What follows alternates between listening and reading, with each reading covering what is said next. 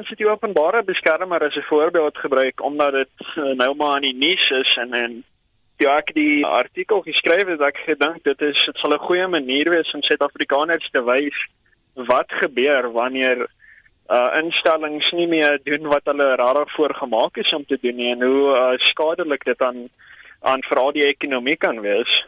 Hy sê instellings soos die openbare beskermer se mandaat skryf voor dat individue beskerm moet word en dat dit die regering moet verhoed om in te meng met die persoonlike en ekonomiese bestaan van sy landsburgers. Wel, so sterk uh, instellings kom van uh is maar 'n uh, beginsel van konstitusionalisme. En konstitusionalisme gaan maar daaroor om die individu te beskerm van uh soos in Engels 'n overbearing state. En hierdie instellings moet seker maak die regering gaan nie teen die die mense nie en, en oorskry nie sy uh, sy mandaat nie. Hy sê die sleutelwoord hier is onafhanklikheid. Ja, hulle moet onafhanklik wees van die regering en 'n goeie voorbeeld is altyd om te dink aan die howe wat vir ons Suid-Afrika redelik onafhanklik gebly het vir die uh, publieke beskermer ensovoorts kan mense dit ongelukkig nie altyd sê nie aangesien die president ensovoorts 'n uh, groot rol daarin speel om die daai uh, persone aan te stel.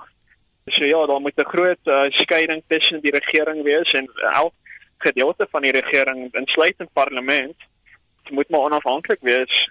Maar wat is die oplossing?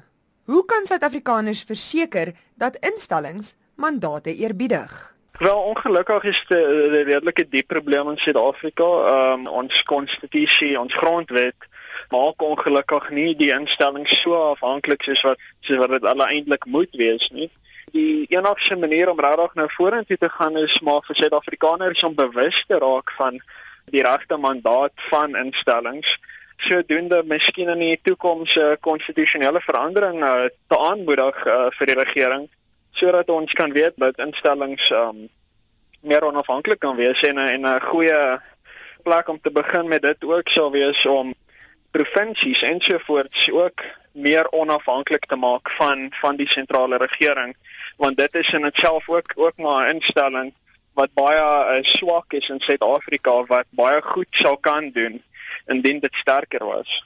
Martin van Staden is 'n regsnavorser by die Vrye Mark Stichting. Ek is Henry Wondergem vir SAK nuus.